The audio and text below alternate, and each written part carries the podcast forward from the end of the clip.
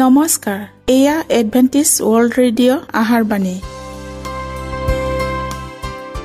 ষোল্ল মিটাৰ বেণ্ডত সোতৰ হাজাৰ আঠশ দহ কিলো হজত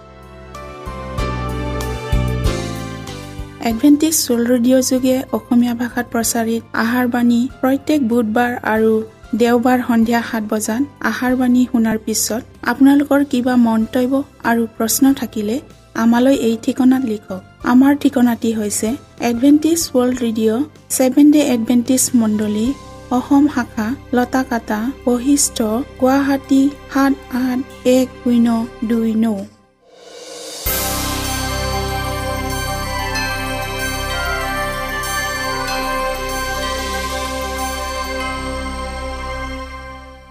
প্ৰিয় শ্ৰোতা বন্ধুসকল এতিয়া শুনো আহক এটি খ্ৰীষ্টীয় ধৰ্মীয় গীত।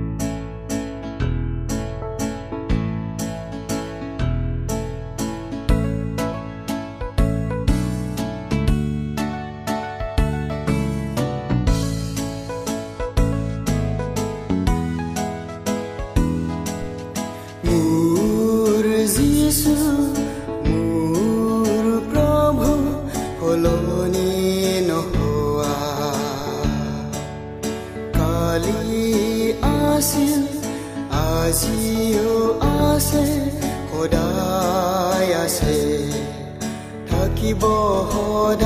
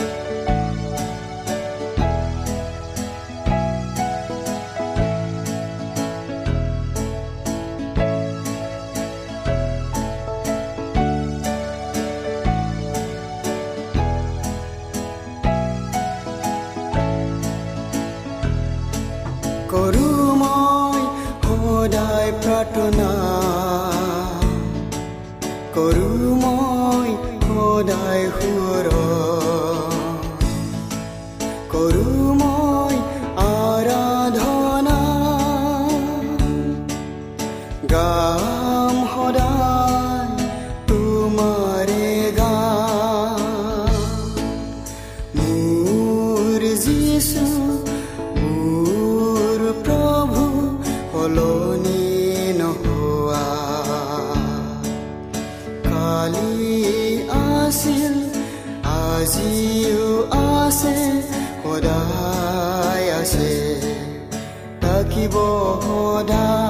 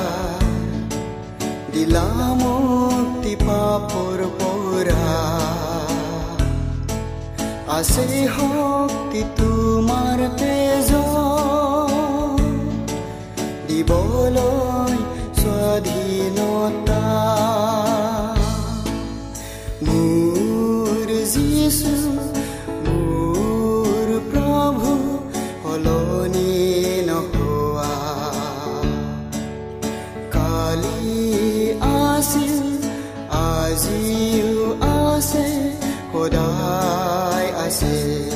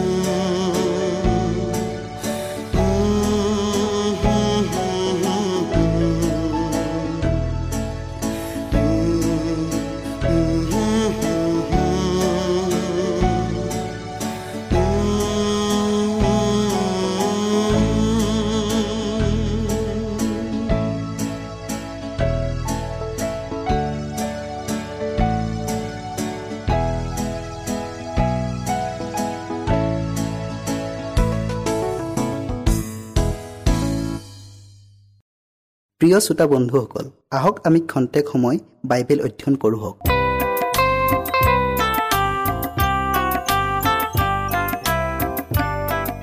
প্ৰিয় শ্ৰোতাসকল আজি আমি ধৰ্মধাম কি ইয়াৰ শেষ অংশটো অধ্যয়ন কৰোঁ হওক। অধ্যয়নৰ আগতে আমি ঈশ্বৰৰ পৰা আশীৰ্বাদ খোজোঁ হওক। স্বৰ্গত থকা অসীম দয়াময় ঈশ্বৰ জিহুৱা তোমাৰ নাম ধন্যবাদ হওক। প্ৰভু আজি আমি বিশেষ বিষয় ধৰ্মধাম কি ইয়াৰ শেষ অংশটো অধ্যয়ন কৰিবলৈ আগবঢ়াইছোঁ। প্ৰভু তুমি আমাৰ সংগে সংগে থাকা আৰু প্ৰত্যেক শ্ৰোতাৰ হৃদয় পবিত্ৰ আত্মাৰে স্পৰ্শ কৰি দিয়া। যীশুৰ নামত খুজিলোঁ। আমেন। বছৰেকত এবাৰ সেই মহাপ্ৰায়চিতৰ দিনাখন ধৰ্মধামটো সূচী কৰিবলৈ মহাপুৰুষতে অতি পবিত্ৰ কোটালীটোত প্ৰৱেশ কৰিছিল। এই মহাপ্ৰায়চিতৰ কাৰ্যটোক বছৰেকীয়া কাৰ্যত অন্তত সম্পাদন কৰা হৈছিল। প্ৰায়চিতৰ দিনাখন সাক্ষাৎ কৰা তম্বুৰ দুৱাৰমুখলৈ দুটা ছাগলী পোৱালি অনা হৈছিল আৰু সেই দুটা মতা ছাগলীৰ নামত চিঠি খেলা হৈছিল। এটা ঈশ্বৰ জিহুৱাৰ নামত আনটো অজাজেলৰ নামত। যিটো ছাগলী পোৱালি ঈশ্বৰ জিহুৱাৰ নামত উঠিছিল তাক লোকসমূহৰ পাপৰ বাবে পাপাৰ্থক বলি হিচাপে বলি দিয়া হৈছিল আৰু মহাপুৰোহিতগৰাকীয়ে সেই বলিটোৰ তেজ লৈ প্ৰবেদক বস্ত্ৰ অৰ্থাৎ পৰ্দাৰ ভিতৰলৈ সোমাই আহি কৃপাৰ আসনখনৰ আৰু কৃপাৰ আসনখনৰ সন্মুখত ছটিয়াই দিছিল। এই তেজে প্ৰভেদক বস্ত্ৰৰ সন্মুখত থকা ধূপ বেদীৰ ওপৰতো ছটিওৱা হৈছিল। পাছে হাৰুণে তেওঁৰ হাত দুখন সেই জীয়া চাগটোৰ মূৰত দিব আৰু ইজৰাইলৰ সন্তানবিলাকৰ সকলো অপৰাধ আৰু তেওঁবিলাকৰ আটাই অধৰ্ম তেওঁবিলাকৰ সকলো পাপকেই তাৰ ওপৰত স্বীকাৰ কৰি তেওঁ সেই সকলোকে সেই চাকৰ ওপৰত অৰ্পণ কৰিব। পাছে যুগুতে থকা মানুহ এটাই হতুৱাই তাক অৰণ্যলৈ পঠাই দিব আৰু চাকটোৱে নিজৰ ওপৰত তেওঁবিলাকৰ সকলো পাপ অপৰাধবোৰক নিৰ্জন ঠাইলৈ বৈ নিব। সি সেই চাকটোক অৰণ্যত এৰি দিব। সেই অজাজেলৰ নামত চাকটো ইজৰাইলৰ চাউনিলৈ আৰু কেতিয়াও ঘূৰি অহা নাছিল। আৰু যি মানুহজনে চাকটোক অৰণ্যত এৰি থৈ আহিছিল সি গা পা আৰু সকলো কাপোৰ কানি ধুইহে চাউনিলৈ উভতি আহিব পাৰিছিল। পালন কৰা এই নিয়মমতীয়ে ইজৰাইল জাতিটোক অতি গভীৰভাৱে অনুধাৱন কৰিবলৈ এইটোকে শিকাইছিল যে ঈশ্বৰ যি হোৱাক কিমান পবিত্ৰ আৰু তেওঁৰ সন্মুখত পাপ কিমান ঘৃণনীয়। ইয়াৰ উপৰি ইয়াৰ দ্বাৰাই তেওঁবিলাকক এইটো দেখুওৱা হৈছিল যে পাপত লেটি পেটি নোহোৱাকৈ তেওঁবিলাকে পাপত লিপ্ত থাকিব নোৱাৰে। অৰ্থাৎ পাপ কৰাজনেহে পাপৰ লগত মধুৰ সম্পৰ্ক বজাই ৰাখিব পাৰে। যেতিয়া প্ৰায়শ্চিতৰ কাৰ্য চলি আছিল তেতিয়া প্ৰতিজন মানুহে নিজৰ জীৱনৰ বাবে খেদ কৰিবলগীয়া হৈছিল। সকলো প্ৰকাৰৰ কাম কাজ এফলীয়া কৰি থ'বলগীয়া হৈছিল আৰু সমুদায় ইজৰাইলৰ মণ্ডলীটোৱে প্ৰাৰ্থনাৰে লঘোণ দি আৰু গভীৰ অন্তৰ্জালাৰে গভীৰ আৰু পবিত্ৰ গম্ভীৰ্যতাৰে নম্ৰতাৰে গোটেই দিনটো ঈশ্বৰৰ সন্মুখত কটাবলগীয়া হৈছিল। প্ৰিয় শ্ৰোতাসকল প্ৰকাৰতাৰ এই কাৰ্যৰ দ্বাৰাই প্ৰায়শ্চিত্ত কাৰ্যৰ বিষয়ে বহুতো প্ৰয়োজনীয় সত্যতা শিকোৱা হৈছে। পাপীজনৰ ঠাইত এটা প্ৰতিকল্প গ্ৰহণ কৰা হৈছিল কিন্তু যি পাপ তাক বলি হোৱা জন্তুৰ তেজৰ দ্বাৰাই ঢাকি থোৱা নাছিল। এটা উপায় প্ৰদান কৰা হৈছিল যাৰ দ্বাৰাই সেই পাপক ধৰ্মধামলৈ স্থানান্তৰিত কৰা হৈছিল। তেজ উৎসৰ্গা কৰাৰ দ্বাৰাই পাপীজনে বিধানৰ ক্ষমতাক মানি লৈছিল। বিধান লংঘন কৰাৰ তেওঁৰ পাপটোক স্বীকাৰ কৰিছিল আৰু আহিবলগীয়া উদ্ধাৰকৰ্তাজনাক বিশ্বাস কৰাৰ দ্বাৰাই পাপ ক্ষমা পোৱাৰ মনোকামনাক প্ৰকাশ কৰিছিল। কিন্তু তেতিয়ালৈকে তেওঁ বিধানৰ দোষী সাব্যস্তকৰণৰ পৰা সম্পূৰ্ণৰূপে মুক্ত হ'ব পৰা নাছিল। মহাপ্ৰায়চিতৰ দিনাখন মহাপুৰোহিতগৰাকীয়ে মণ্ডলীৰ মাজৰ পৰা বলি দিয়া জন্তুটোৰ তেজ লগত লৈ অতি পবিত্ৰ কোটালিটোত প্ৰৱেশ কৰিছিল আৰু কৃপাৰ আসনখনৰ ওপৰত পোনে পোনে বিধানৰ ওপৰত সেই তেজ ছটিয়াই দিছিল যাতে বিধানৰ দাবী পূৰণ কৰিব পৰা যায়।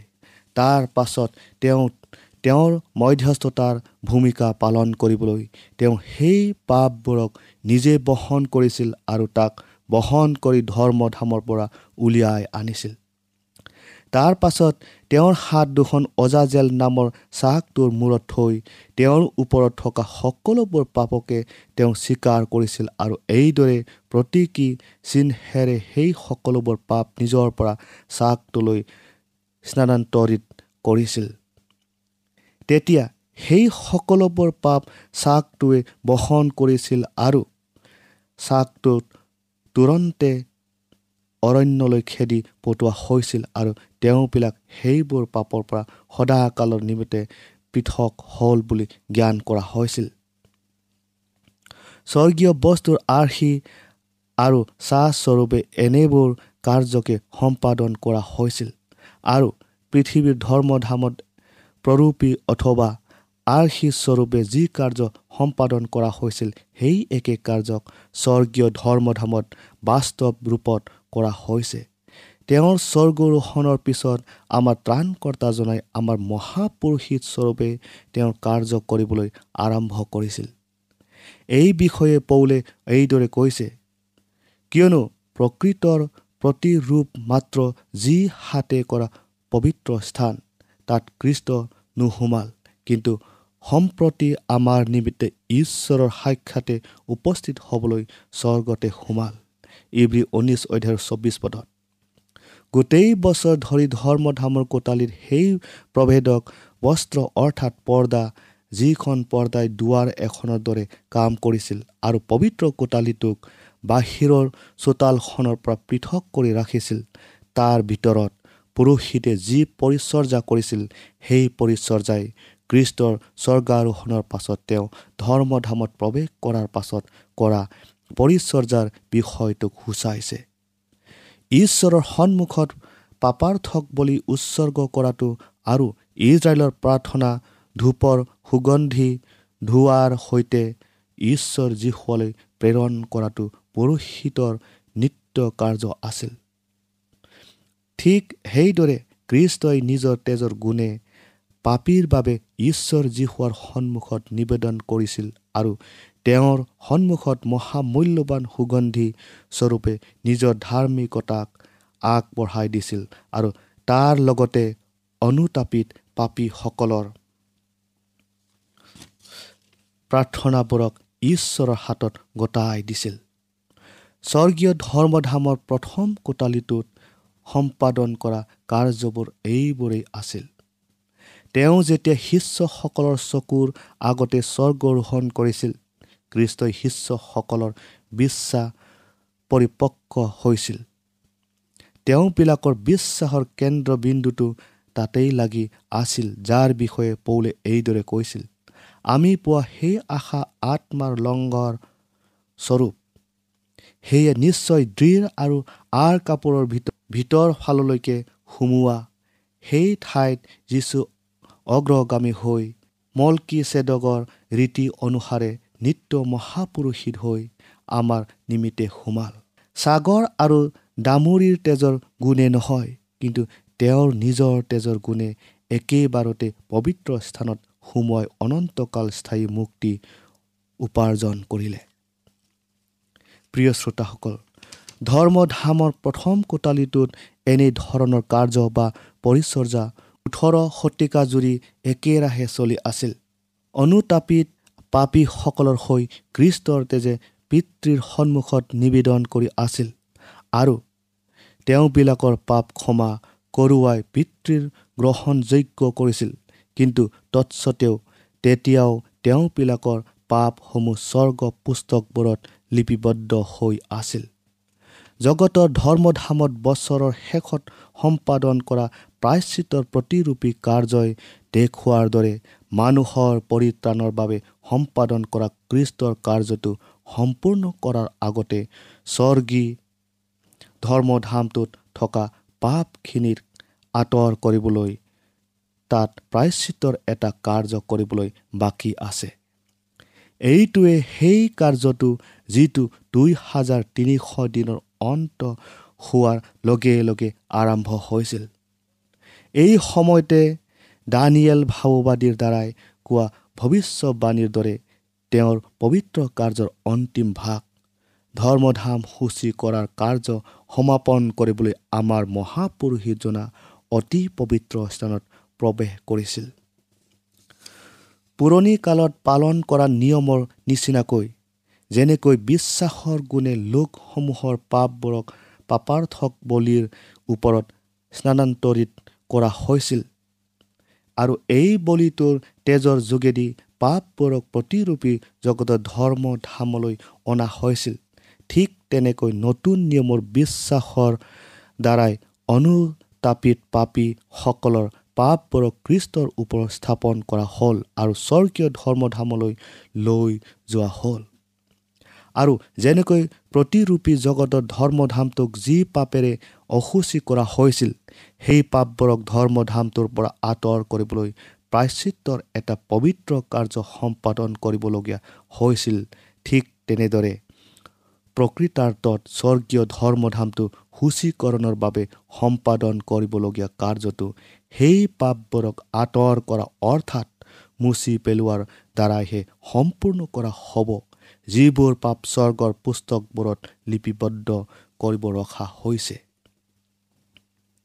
কিন্তু এই কাৰ্য সম্পাদন কৰাৰ আগতে কোনবিলাকে অনুতাপ কৰি পাপ স্বীকাৰ কৰি যীশুত বিশ্বাস কৰাৰ দ্বাৰাই পাপ ক্ষমা পালে আৰু তেওঁৰ প্ৰায়শ্চিতৰ তেজৰ দ্বাৰাই কোনবিলাকে লাভৱান হ'ল সেইবোৰ নিৰ্ণয় কৰিবলৈ স্বৰ্গৰ পুস্তকবোৰক পৰীক্ষা কৰাটো প্ৰয়োজনীয় আছিল। গতিকে ধৰ্মধাম সূচী কৰিবলৈ অনুসন্ধানৰ এটা কাৰ্য জড়িত হৈ আছে। এটা সোধ বিচাৰৰ কাৰ্য আছে। এই কাৰ্যটো কৃষ্টই তেওঁৰ লোকবিলাকক নিবলৈ অহাৰ আগতেই কৰি সম্পূৰ্ণ কৰিবই লাগিব। কিয়নো তেওঁ যেতিয়া আহিব প্ৰতিজন মানুহেই নিজৰ কৰ্ম অনুযায়ী ফল বা প্ৰতিফল পাবলৈ তেওঁৰ হাতত পুৰস্কাৰ থাকিব।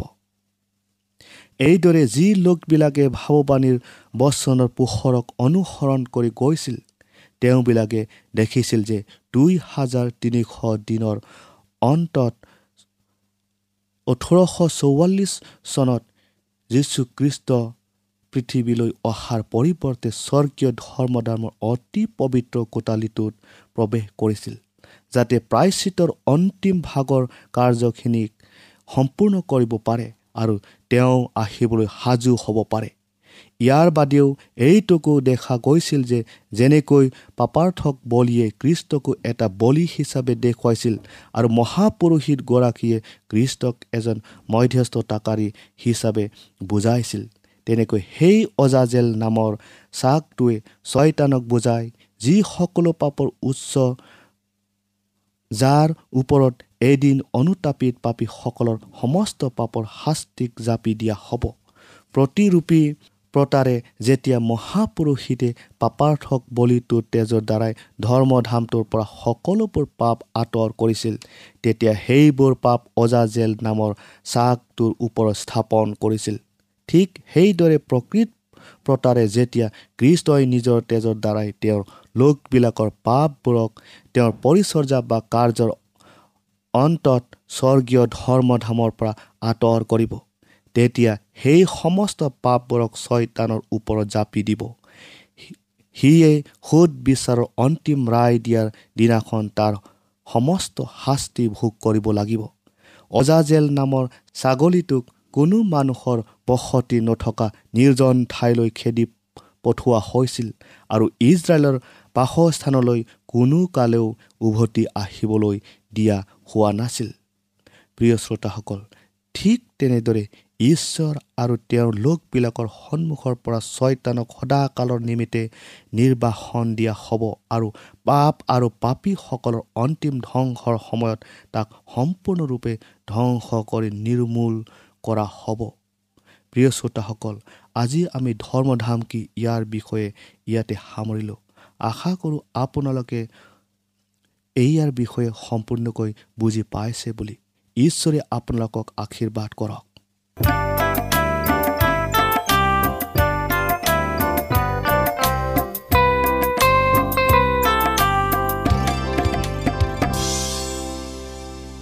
ইমানপৰে আমি বাইবেল অধ্যয়ন কৰিলোঁ। এতিয়া আকৌ শুনো আহক এটি খ্ৰীষ্টীয় ধৰ্মীয় গীত।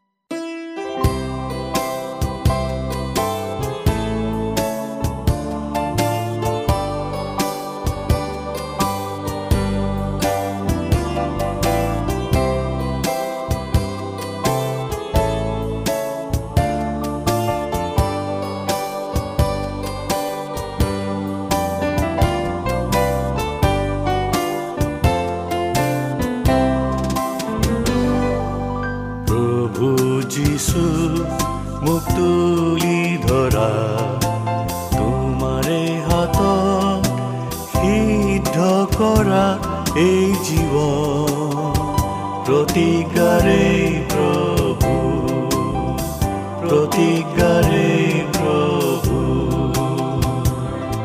পৰীক্ষা কৰা মোক খুচি কৰা পৰীক্ষা কৰা মোক খুচি কৰা পূৰ্ণ কৰা এই জীৱন কৰা এই জীৱন প্ৰভু যিছু মোক তুলি ধৰা তোমাৰে হাতত সিদ্ধ কৰা এই জীৱন প্ৰতিজ্ঞাৰে প্ৰভু প্ৰতিজ্ঞাৰে প্ৰভু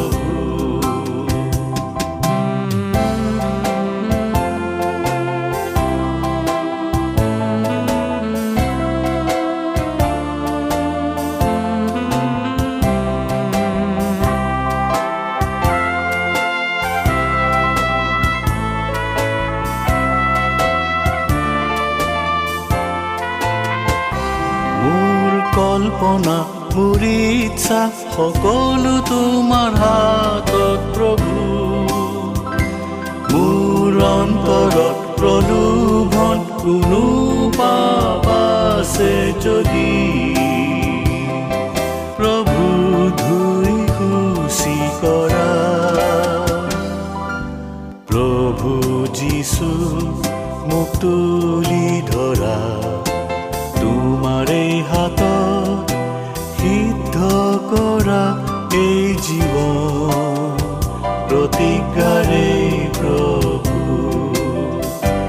প্ৰতিজ্ঞাৰে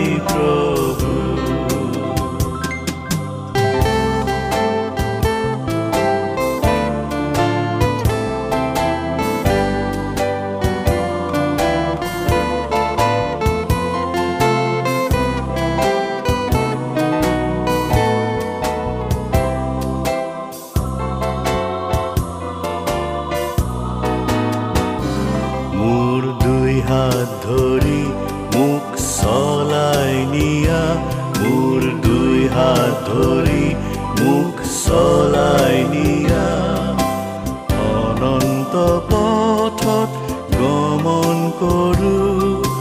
অনন্ত পথত গমন কৰোঁ। য'ত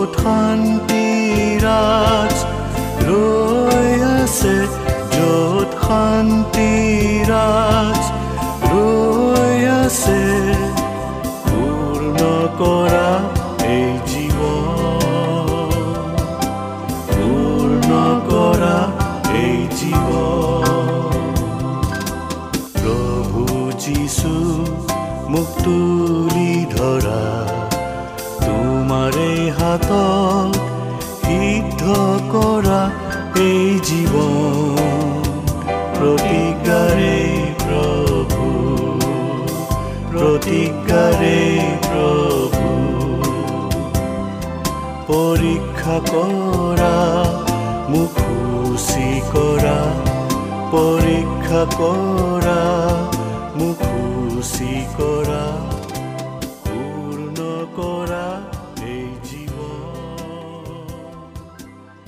মনত ৰাখিব আমাৰ ঠিকনাটি পুনৰ কৈ দিছোঁ Adventist world radio' Assam region of seven day Adventist voice of hope Latakata Basistha Guwahati seven eight one zero' two nine প্ৰিয় শ্ৰোতা বন্ধুসকল এডভেণ্টিজ ৱৰ্ল্ড ৰেডিঅ' যোগে আহাৰবাণী প্ৰচাৰত আপোনালোকক পুনৰ লগ পোৱাৰ আহাৰে আজিলৈ সামৰিলোঁ। ধন্যবাদ।